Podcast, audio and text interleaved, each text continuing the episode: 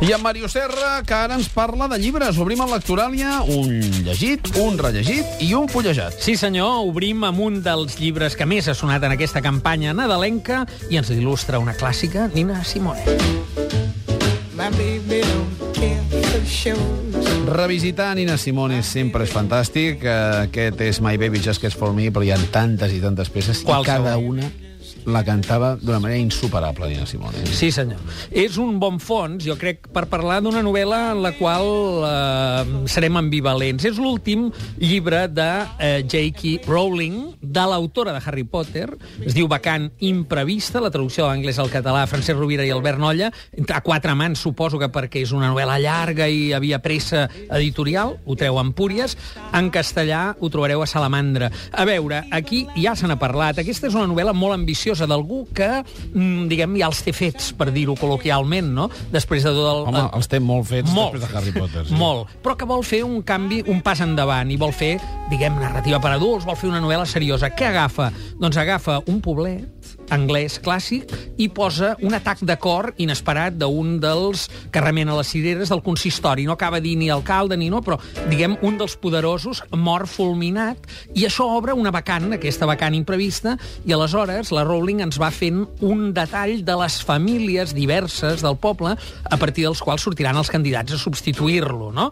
Aquest és un plantejament, diguem, de gran ambició, perquè um, sí que hi ha eh, una estirada argumental de veure com acabarà aquesta guerra, però bàsicament el que vol fer és alta literatura, mostrar la, la hipocresia, les flaqueses de la gent, una societat que aparentment funciona i que en el fons, diguem, tothom està enganyant la dona o des, eh, amb, amb el matrimoni absolutament hipòcrita o amb problemes greus socials, de diferència social, etc etc. I aquí és on jo hi poso pegues, diguem. Uh, hi ha qüestió, una qüestió, diguem, de llocs comuns.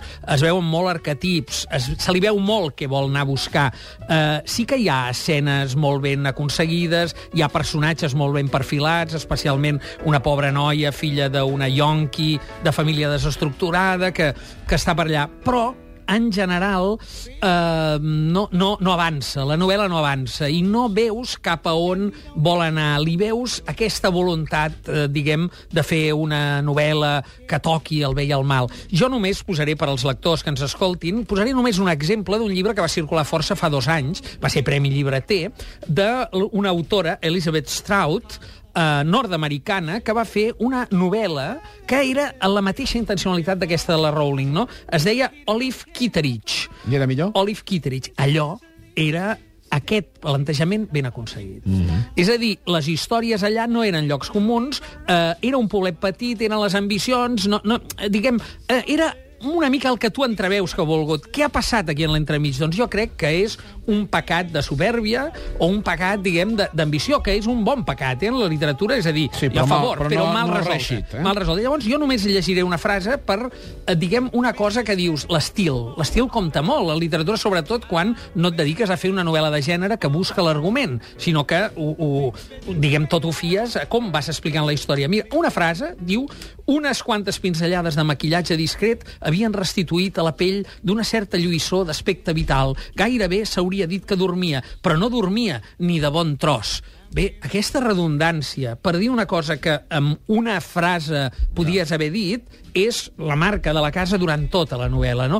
Això que et va llastant una mica la lectura fa que perdis, de vegades, interès en la mateixa història. Tot i La així... campanya de promoció ha estat brutal. Sí, home, és espectacular perquè, a més, hi ha curiositat eh, lògica de dir la Rowling, ara, una novel·la, diguem, per adults, amb aquest plantejament, que és molt bon plantejament. Mm. Eh? Una petita societat de la qual mostrarem les misèries. Però, insisteixo, eh, agafeu, llegiu-vos la, la Rowling. Els qui us hàgiu portat els reis o us hagi cagat el tió, no patiu, no, no ho poseu per falcar un moble. Ja val la pena la seva lectura. Dues, les has Però, posat, eh? Sí, sí, per, per decepció, diguem, eh, per diferència entre objectiu i assoliment. Molt bé. Eh? No tant per al que arriba, i, i aprofito per recomanar Olive Kitteridge, Elizabeth Strout, de 1984, fa dos anys, eh, l'editorial es diu 1984, eh, no l'obra, sinó que fa dos anys, i per tant la trobareu encara. Eh, llegiu-vos els dos i compareu, i ja m'ho direu. Mots clau de la, de la Rowling. Hipocresia, aparences, Anglaterra clàssica, comunitat petita i ambició. Sona el quadern gris de Miquel Amat. Sí, senyor, aquest uh, músic de jazz li ha dedicat al quadern Cris a l'obra emblemàtica de Josep Pla, aquesta peça, i m'ha semblat que era per distorsionar el mínim possible i per parlar d'unes cinqueles, és a dir, per parlar d'estil, portar l'edició que Destino acaba de treure en l'edició de Narcís Garolera, esporgada de totes les errades eh, de correcció mítiques ja, que hi havia, algunes de les quals eren d'estil eh, lingüístic, només els correctors Bartomeu Verdagí, eh, pare del, del mestre Verdagí, eh, diguem, mm -hmm. i en Jordi Pla, a qui jo havia tractat molt, perquè era el corrector dels meus mots encreuats, doncs, eh, i que ja són morts tots dos. Ells van corregir l'obra de Pla amb criteris lingüístics, però també s'hi va escolar alguna censura de caire moral, algun canvi de text. Garolera ho ha restituït. Jo, eh, aquesta és una obra que és un dietari de 1918 i 1919, eh, però publicada al 66, és a dir, vista ja amb eh, ulls d'autor gran. Jo només et vull llegir perquè es vegi això de l'estil i perquè tampoc cal dir molta més coses del quadern gris, a part de posar-li cinc L's, tal dia com avui, 9 de gener, però de 1919, i curiosament, l'endemà del programa que tu vas fer eh, especial, diguem, eh, ferroviari. Eh, vam anar ahir, al matí de Catalunya Ràdio, vam anar tots jo, a, a, Girona, a Girona, i bé, la, la bona feina dels serveis informatius, de tot l'equip, va fer que sortís un programa esplèndid, sí. Doncs eh, l'any eh, 1919, el 9 de gener, Josep Pla agafava el tren en sentit contrari, s'hi passava molt més i ens explicava això. Diu, al matí marxem a Barcelona gairebé tota la família. La meva mare, les meves germanes, el meu germà i la minyona, l'Angeleta, fa un temps clar, viu, transparent. Des de la plataforma del vagó del tren, petit, veig el far, blanc i llunyà, amb les verdes pinedes, les torretes, el pla de Palafrugell. Després, dins del vagó glacial, els vidres entelats de blanc, ple de fum, m'agafa una sonsònia indiferent. Penso llarga estona en aquest inútil quadern. Gairebé tot el que conté m'ho hauria pogut estalviar perfectament. I, I continua arribant aquí a Barcelona, se'n va al pis del carrer Mallorca, i van... En fi, l'any 19, eh, ell té aquesta autoironia, sí. és, és un dietari d'algú que llavors eh, l'enceta quan fa 21 anys i es veu, diguem, la agudíssima capacitat d'observació que Pla després exhibiria fa trampa perquè com que el va publicar l'any 66 està corregit i tocat, oi?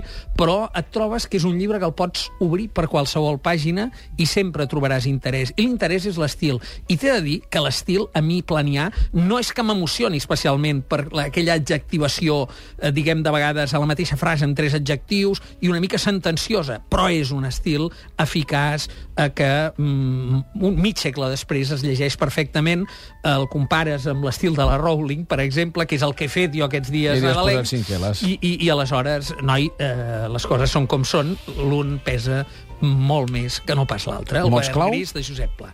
Uh, estil, estil i estil serien els tres primers mots clau, però també, en aquest cas, sentenciositat i descriptivisme. Escuela de Calor, cantaven al Ràdio Futura. Sí, senyor, acabo amb una escola de calor per un llibre de ràdio que, en fi, no, eh, és d'un company d'aquesta ràdio, es diu A micròfon tancat, una visió personal de la ràdio en català, de Lluís Urpí, això apòrtic, i que, bé, jo crec que és un llibre, diguem, eh, que eh, serà llegit per als professionals d'aquesta emissora, perquè hi, hi, hi surt tothom al darrere. Jo crec que ja està fet amb allò d'agafar...